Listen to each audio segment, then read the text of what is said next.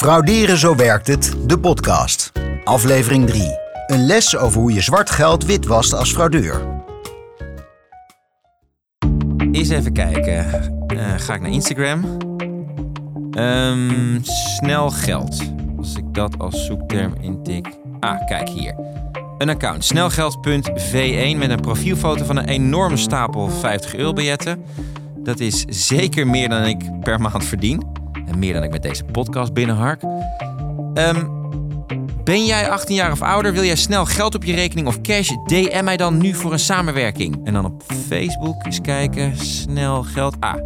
Wil jij snel geld verdienen? Meer dan 3k per week? Zo. 3k per week? Check dan deze link hieronder. En dat gaat maar door. En dan hoef ik alleen maar mijn bankrekening af te staan. Nou, het ziet er best aantrekkelijk uit.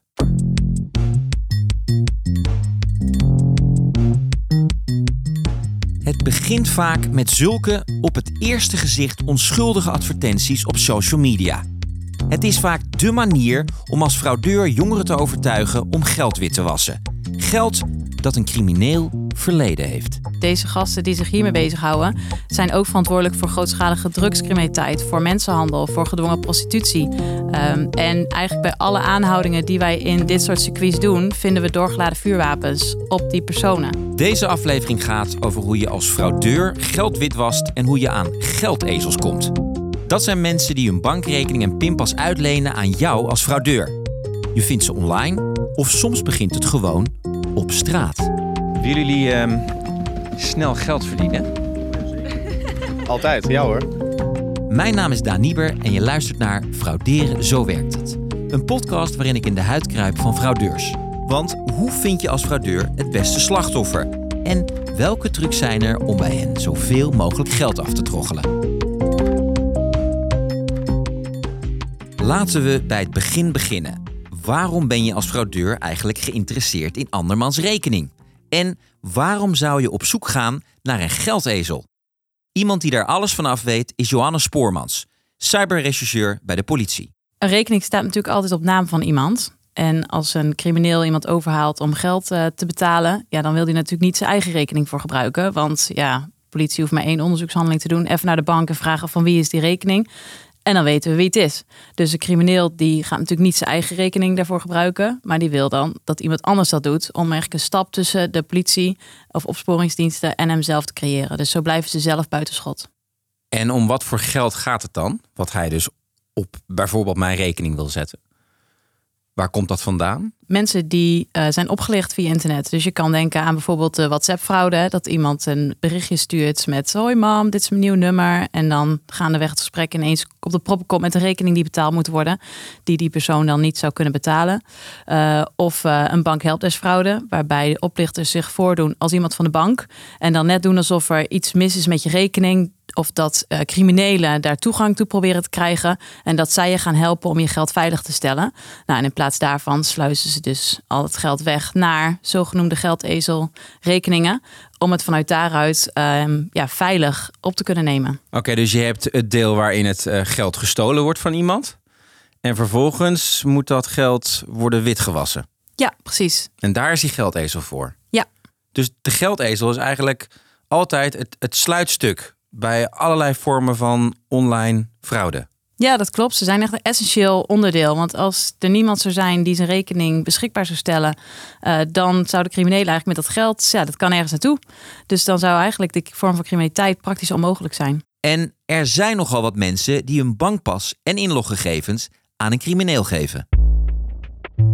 Een 21-jarige Groninger staat deze week voor de rechter omdat hij maar liefst 90 ezels ronselde. En hij maakte daarmee zelfs één persoon ruim 1 miljoen euro afhandig. Ja, het is een onwijs groot probleem. Uh, we hebben alleen al in Rotterdam hebben we het over 400 geldezels. Maar het gaat landelijk over honderden aantallen. Dus het is enorm. Hoeveel geld je als fraudeur kan beloven verschilt nogal. Soms gaat het om 50 euro, soms om honderden euro's of soms om een percentage van de opbrengst.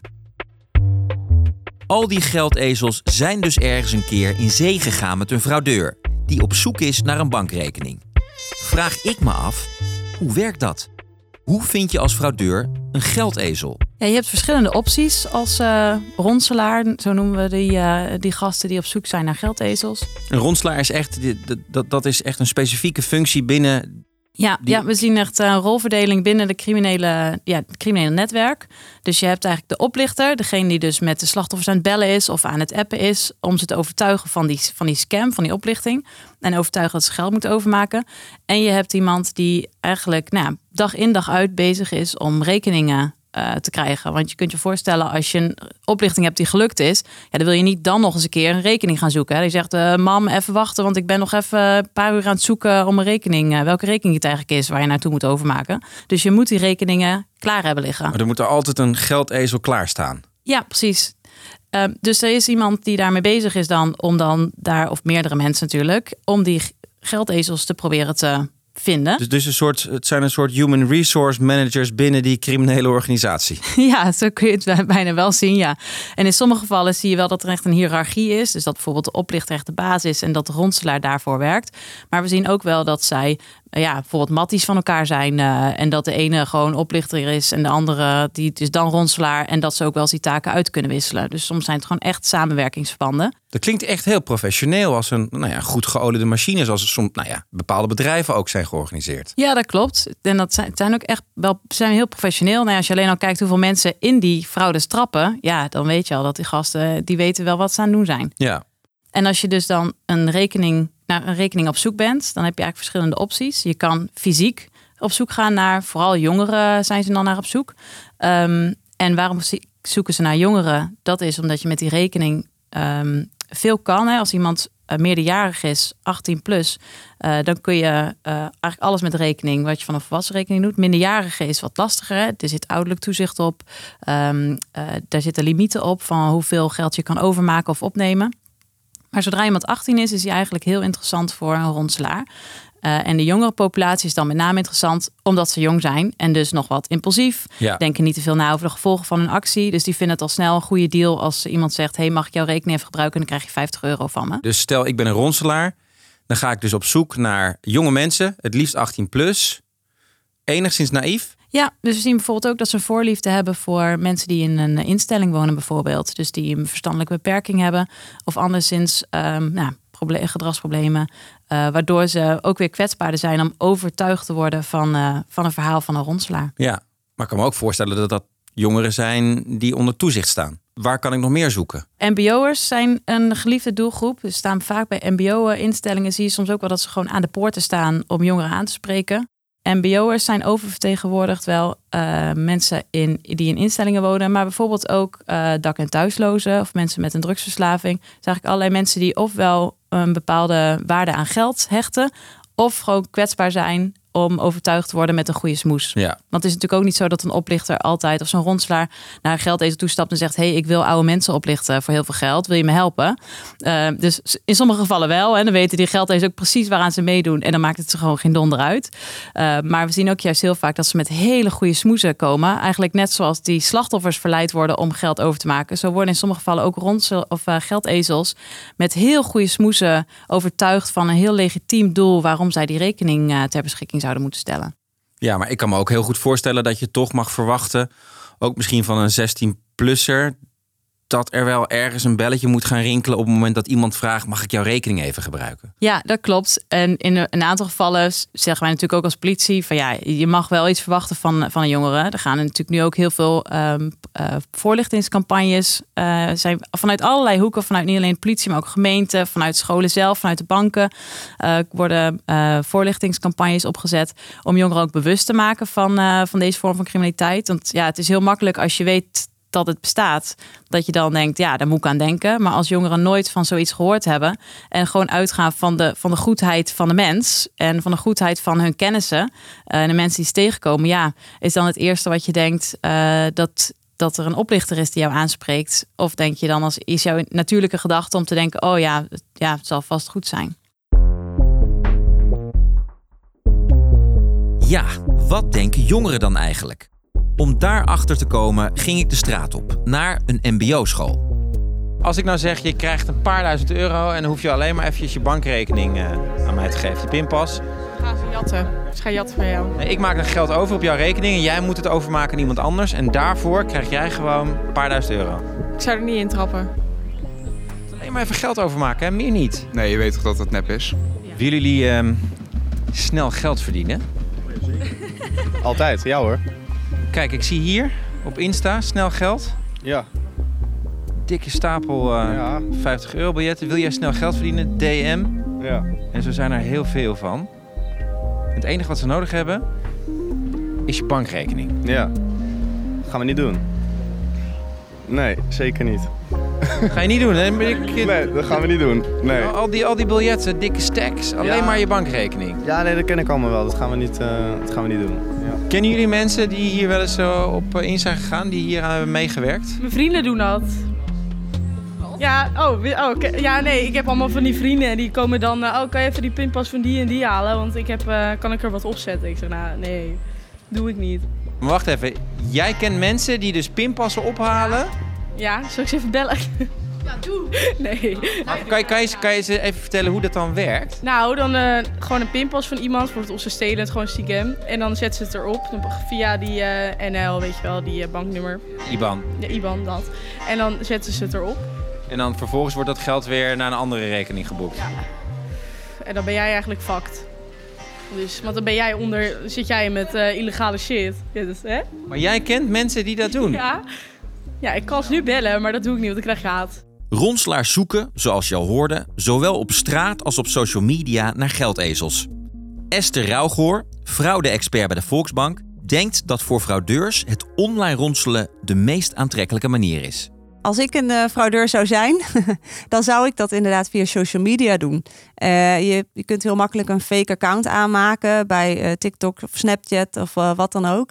En je kunt iedereen berichtjes gaan sturen. Zeggen, joh, wil jij misschien geld verdienen? Het is helemaal legaal, heel makkelijk. Je hoeft er alleen maar je rekening voor ter beschikking te stellen. Ehm, dat zou ik doen. En daar kun je heel veel mensen mee bereiken. En er is altijd wel iemand die bijt. Net zoals bij phishing eigenlijk. Hè? Ja. Daarom heet het phishing. Er is altijd wel een visje wat bijt. Eh, en zo zie je dat ook bij, bij geldezels werven.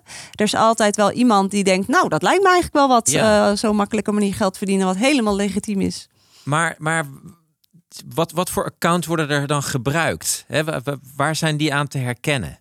Mm, poeh, dat is echt ontzettend divers. Het kan zijn dat ze een mooie meid eh, daarachter zetten. Eh, dat springt natuurlijk altijd wel goed in het oog. Eh, het kan zijn dat ze zich voordoen als een soort van crypto-achtige partij. Hè, dat is, daar is natuurlijk best wel wat geld in te verdienen, ook qua handel. Ehm, dus dat ze zich een beetje voordoen als een soort van snelle techno-crypto-partij. Ja. waarbij je snel zaken kan doen. Eh, dus dat zou het kunnen zijn. Eh, en het kan ook zijn dat ze eh, ja, via via bij jou komen. Soms vragen ze ook wel eens van... heb je nog meer vrienden die dat misschien ook wel zouden willen? Zouden we hun gegevens mogen hebben? Dus, dus het zijn accounts die of er heel verleidelijk uitzien, hè, met, Ja. een mooie vrouw, of misschien ook enorme stapels geld en dergelijke, of heel betrouwbaar, een, Ja. een cryptobedrijf. Ja, want het, het oogt, heel, oogt betrouwbaar. Maar of je als crimineel je geldezel nou online of op straat aanspreekt, je moet als crimineel wel een goed verhaal hebben om een geldezel te ronselen. Anders geef je niet zomaar je bankgegevens aan een onbekende. Zou je denken. Toch? Ja, dat zou je denken, maar dat vragen ze vaak niet eens. Ze denken gewoon, oké, nou ja, ik eh, geef mijn rekening even uit handen en dat is het. En soms eh, wat je ook wel eens ziet, is dat, ze, dat eh, mensen echt op denken dat ze een baan hebben aangeboden gekregen. Ehm, dat ze een maandsalaris daaraan verdienen. En het enige wat ze dan moeten doen is gelden ontvangen op hun eigen rekening en dan weer doorboeken. En dat is dan met een smoes van, ja, we willen belasting ontduiken of iets dergelijks. En daarin kun je natuurlijk eigenlijk al een beetje horen dat het niet helemaal in de haak is. Maar ze denken, ja, mak- makkelijk baantje. Ik neem hem. Ja, ik, ik, toen ik de, voor de eerste keer de term geldezel hoorde, toen dacht ik, bedoel je dan met ezel het feit dat je ja, toch ja, niet heel erg slim bent op het moment dat je hier intrapt? Ja, nou ja, deels zeker ook wel. Er is ook wel een groep, eh, wat ouderen juist, dat zijn kwetsbaren. En daarbij is het natuurlijk wel echt heel schrijnend. Daar kun je eigenlijk niet echt zeggen dat ze eh, dom zijn. En dat wil ik sowieso niet per se altijd zeggen hoor. Eh, maar er is ook zeker een groep die gewoon, ja, echt op zijn minst echt heel erg naïef is, inderdaad. Ja. En hoe, hoe werkt dat psychisch? Wat voor psychische ja, strategieën gebruiken ze om dus eh, kwetsbaren te overtuigen dat dit dus prima is om te doen? Ja, bij kwetsbaren proberen ze echt heel erg dat uh, hulp, dat ze hulp nodig hebben, dat overbrengen. Dus dat ze aangeven van ja, ik zit echt in de problemen. Hè. Ze proberen de druk heel erg te verhogen op uh, personen. Kan je een voorbeeld geven? Nou, ze zeggen dan bijvoorbeeld: uh, ik, um, ik, mijn mobiele app is kapot en ik moet nu mijn huur overmaken en dat lukt niet. En anders word ik uit mijn huis gezet. Ik kan geen boodschappen halen. Mag ik alsjeblieft wat geld op jouw rekening laten storten, zodat ik het daarvan af kan halen? Ja, maar, maar het lijkt mij dat je niet eh, met dit verhaal gewoon een, een random persoon kan benaderen. Dat je dat dan doet bij iemand die je kent. Dat kan zeker zijn dat het een, een, een vage bekende is. Hè? Dus eh, als je op schoolplein hangt of in de buurt hangt en uh, ze kennen toevallig een vriend van een vriend van je of iets dergelijks. Maar ze, proberen, ze doen ook wel eens dit soort dingen bij mensen, dus inderdaad de zwakkere groep die wat ouder is. En die, ja, die vallen hier dan toch wel wat sneller voor. En die denken dan, ik doe iets goeds voor ja. een ander. Ja. ja. ja. Dus eigenlijk inspelen hè, op, op uh, nou ja, de hulpvraag gebruiken. Uh, wat zijn andere methoden die ze gebruiken om mensen over te halen? Nou ja, bij de, de advertenties, hè, dan wordt echt gezegd: het is compleet normaal. Je komt echt niet in de problemen. Anders heb je hier mijn account, je hebt hier mijn telefoonnummer. Uh, soms hebben ze zelfs een kopietje van een legitimatiebewijs of iets dergelijks overhandigen ter, bewijs. Maar ja, die hebben ze ook weer bij een fraudezaak hebben ze die uh, in handen gekregen. Dus dat is helemaal niet die persoon zelf. Dus ze proberen wel allemaal een soort van zekerheidjes te geven aan jou dat het lijkt alsof het echt is. Oké, deel 1 van de missie is geslaagd. Je hebt als ronselaar het vertrouwen gewonnen van een geldezel. Maar wat doe je dan? De ronselaar zal altijd toegang willen krijgen tot die rekening van de geldezel. Want uh, nou ja, je moet limieten verhogen. Bijvoorbeeld, hè, het kan niet zijn dat je maar 500 euro per dag kan opnemen. Als een slachtoffer 5000 euro op, overmaakt, ja, dan wil je wel dat hele bedrag natuurlijk in één keer weg kunnen sluizen. Voordat de bank kan ingrijpen. Dus ze willen toegang tot de rekening. Ze gaan uh, limieten verhogen. En hoe doen ze dat, die toegang? Door de inloggegevens te vragen van de, van een geldezel. Dus ze vragen de bankpas, als er een bankpas is. Die, hè, bij internetbanken heb je dat bijvoorbeeld niet. Um, maar ook de toegangcodes tot internetbankieren. En je ziet in sommige gevallen dat ze ook echt uh, codes veranderen... zodat de rekeninghouder zelf niet meer um, toegang kan krijgen om bijvoorbeeld te zien wat er gebeurt. Sommige jongeren die zien dan wel ineens die grote bedragen komen en dan denken ze ineens holy moly, wat ben ik nou, uh, wat dit voelt toch helemaal niet goed. Ja, en als ze dan volgens die rekening gaan blokkeren, dan heb je een boze rondslaan natuurlijk ja. en een helemaal een boze oplichter. Uh, dus uh, je ziet gevallen waarin ze ook echt die, die rekeninghouder, dus de geldezel, weren uit zijn eigen bankrekening. Um, en dan is het inderdaad die limieten verhogen. Uh, en zodra het geld op de rekening is, dan gaan ze ofwel zelf pinnen, of ze huren nog weer iemand in. Hè, als privacy heel belangrijk is voor deze rondslaar, dan huren ze iemand in, bijvoorbeeld om het geld uit de buurt te halen, zodat ze zelf weer ook niet op de camerabeelden staan. Uh, of ze laten bijvoorbeeld die geldezel wel zelf nog uh, het, uh, het geld pinnen. Zodat dan de geldezel ook nog eens op de beelden staat. En zij echt mooi achter de schermen blijven. Ja, en dan krijgt die geldezel vervolgens betaald. Ja, ja, of niet, hè? want het blijven natuurlijk oplichters. Dus dat is, het is maar de vraag eigenlijk of je na de hand daadwerkelijk geld krijgt uiteindelijk. Dus dan kan het heel goed zijn dat je eigenlijk ook best wel weet dat je um, een onderdeel bent van een criminele activiteit. En daar vervolgens zelf slachtoffer van wordt. Ja, dat kan heel goed, ja. Want ze hebben ook nog steeds jouw inloggegevens. Ja. Dus ze kunnen er ook meer van afhalen. Ja, zeker. En we zien ook zelfs nog, uh, en dat zien we ook wel hoor, dat uh, geldezels zeggen, ja, ze hebben mijn rekening. En toen was ineens ook, er stond nog 300 euro op bijvoorbeeld voor mijzelf. En dat is ineens ook weg. Um, en we zien ook dat soms uh, ronselaars vragen om identiteitsbewijs bijvoorbeeld van de, van de geldezel. En dat ze met zo'n identiteitsbewijs ook nog weer nieuwe rekeningen openen. Daar sta je dan als geldezel. Je dacht een goede deal te hebben, maar nu heb je opeens geen toegang meer tot je eigen rekening, die bovendien ook nog eens geplunderd is. En de beloofde beloning, daar kun je naar fluiten. Maar dat is niet alles, want bij de bank krijgen ze je ook in de gaten. Want er is altijd een slachtoffer dat zich bij de andere bank meldt. Hè? Dus als jij uh, slachtoffer bent van phishing of van hulpvraagfraude, van bankhelpersfraude, dan meld je je bij je bank. Zeg je, ja, ik heb geld overgemaakt, en, maar dat, ja, dat is afkomstig van fraude. Ik wil het terug. Ja. En dan gaat de bank van het slachtoffer, die neemt altijd contact op met de bank waar de, de geldezel in dit geval zit. Uh, en die zal de rekening blokkeren. Dus je hebt dan, je kunt geen geld meer ontvangen, je kunt geen geld meer opnemen. Uh, je, je kan echt helemaal niks meer. En als een slachtoffer zich niet zelf meldt, dan zijn er nog de detectiesystemen van de bank. Wij kijken naar transacties om te kijken of uh, het mogelijk zou kunnen zijn dat er een slachtoffer is uh, bij ons in de boeken. Ehm, en dat, dat gaat via geautomatiseerde systemen. Eh, en die eh, proberen te kijken naar bepaalde patronen op een rekening. eh, om zo te achterhalen van, hey, zou, is dit iets wat de klant echt had willen overmaken? Of zou het misschien eh, oplichting of fraude kunnen zijn? De kans dat je gepakt wordt als geldezel is volgens Esther Rauwgoor dan ook bijna 100%. En dan heb je een groot probleem. dan zal je rekening opgeheven worden. Eh, en je kan eh, voor maximaal acht jaar op een waarschuwingslijst komen in het extern verwijzingsregister, zo noemen we dat, een EVR. En wat betekent dat praktisch? Dat betekent dat jij eh, niet meer op een normale manier een rekening kan openen in Nederland. Dus dat betekent dat jij een basisbankrekening nodig hebt. Ehm, en daarvoor moet jij je melden bij een, een, een hulpverleningsinstantie. En die moet een aanvraag voor een nieuwe bankrekening met jou ondertekenen. Die moet ook toezicht op jou houden. En dan pas kun je een nieuwe bankrekening openen. En dat is een bankrekening die eh, ja, beperkt is. Dus je mag geen, niet rood staan. Je mag niet ehm, een eh, lening afsluiten. Eh, je mag eh, geen spaarrekening openen. Je kan een, een, een krediet of iets dergelijks aanvragen. Maar degene die die aanvraag ontvangt, die krijgt een melding dat jij ja, eerder betrokken bent geweest bij fraude. En die gaat dan een afweging maken. Ja, wil ik die persoon als klant of niet? Ja, de- die kans is niet heel groot. Ik, eh, wij vinden dat meestal niet zo leuk als bank. Er is ook nog een ander financieel gevolg. Slachtoffers starten vaak civiele procedures tegen geldezels om hun geld terug te vorderen. Dan moet je duizenden euro's terugbetalen, terwijl dat geld al lang niet meer op je rekening staat. En dat zijn alleen nog maar de financiële gevolgen. Want na aangifte komen politie en justitie in actie. Het feit waarvoor je verdachte bent op dat moment is wel witwassen. Ja, dat klinkt behoorlijk heftig. En dat is inderdaad, ja, het is niet eh, zweetvoeten of zo. Het is, daar staat echt een celstraf op. Ehm, dus het is echt wel een zwaar delict. Het leidt bij de eerste keer niet altijd direct tot een straf of strafblad. Dat hangt af van iemands voorgeschiedenis. Maar de politie voert wel intensieve gesprekken met geldezels. Om te laten zien wat de gevolgen zijn van hun daden. Er zitten hier slachtoffers achter die hun hele pensioen kwijt zijn. Of, eh, nou ja, dat zijn dan mensen die veel geld hebben. Maar ehm, ik ken ook verhalen van bijvoorbeeld een bijstandsmoeder... die de laatste 400 euro die ze heeft overmaakt...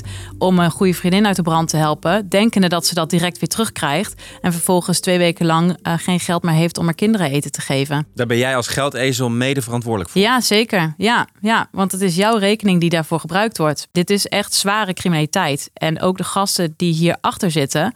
ehm, er wordt nog wel eens wat lollig over gedaan. Hè? Ook over WhatsApp-fraude bijvoorbeeld zie je op, eh, verschillende websites dan gasten die dan... eh, ja, ik heb de oplichter aan de praat gehouden. Super grappig. Haha, kijk, hij tuinde erin. Hij dacht dat ik intrapte, maar dat is niet zo. Ehm, maar mensen realiseren zich niet dat dit echt zware criminaliteit is. Deze gasten die zich hiermee bezighouden, zijn ook verantwoordelijk voor grootschalige drugscriminaliteit, voor mensenhandel, voor gedwongen prostitutie. Ehm, en eigenlijk bij alle aanhoudingen die wij in dit soort circuits doen, vinden we doorgeladen vuurwapens op die personen. Eh, dus het is echt geen schattige criminaliteit, eh, waar die jongeren zich dus ook aan lenen om maar mee te doen. Dus los van de gevolgen voor hun op financieel gebied, ja, als er iets misgaat in die criminaliteit en eh, de, de fraude mislukt, hè, of hè, de oplichter zegt maar er is wel geld en op die rekening blijkt dat er geen geld is, bijvoorbeeld omdat de bank heeft ingegrepen, ja, dan kan je als geldezel zomaar daarvoor eh, verantwoordelijk worden gehouden. Want die oplichter die gaat naar die ronselaar en die zegt, joh, waar is mijn geld? Het slachtoffer zegt dat ze geld heeft overgemaakt. Dus eh, ik wil die paar duizend euro zien. En die ronselaar die denkt, ja hallo, ik ga hier niet voor opdraaien. Eh, ik ga wel naar de eerstvolgende. En dan sta je daar als geldezel. Ja. Met gasten die eh, niet schromen voor geweld. En, en die gewoon doorgeladen vuurwapens op zak hebben. Dus het is zowel qua financiële gevolgen als persoonlijk. Dit zijn echt gevaarlijke gasten waarmee je inlaat. Maar dan klinkt de, de term geldezel komt ook dan nog veel te onschuldig over. Is- weet het- je een betere term? Nee, ik zit te denken. Ja.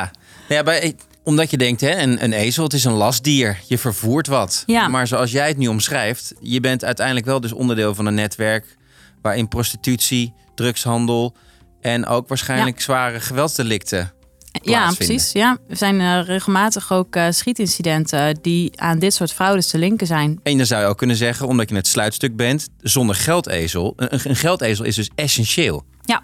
Een geldezel is dus een onmisbare schakel in het criminele netwerk. Met grote gevolgen voor de fraudeslachtoffers. Maar het is een verhaal dat dus ook voor de geldezel eigenlijk altijd slecht eindigt. Zonder geld, met de politie op de stoep en, als je pech hebt, ook nog een crimineel die achter je aan zit. En dat begon dus allemaal met die shiny advertentie op Instagram. Wil jij uh, snel geld verdienen? Oh ja man, kan wel ja. ja. Dan uh, heb ik alleen even jouw uh, bankrekening nodig. Mijn bankrekening? Nummer? Even je nummer, bankrekeningnummer. Dan, dan misschien ook even je pasje, dan zet ik daar geld op. Ja. Dan boek ik dat geld vervolgens over op een andere rekening en dan krijg jij daar een percentage van. ik ben een geldezel, wat u mij zeggen. Jij kent het? Ja, zeker. Komt komt dit vaak voor? Ken je deze verhalen? Oh ja. Ja. Dan zijn er dus blijkbaar toch mensen die denken, oh, nou ja joh, alleen mijn bankrekening, geen probleem. Snap je dat? Ja, ja klopt. Maar dat is een beetje dom van die mensen. Je luistert naar Frauderen, zo werkt het. Wil je meer afleveringen horen? Abonneer je dan in je favoriete podcast-app. Zo kruip ik bijvoorbeeld ook in de huid van datingfraudeurs en crypto-oplichters. Frauderen Zo Werkt Het is een initiatief van de gezamenlijke banken. Bekijk meer lessen op zowerktfraude.nl en leer zo fraude herkennen en voorkomen.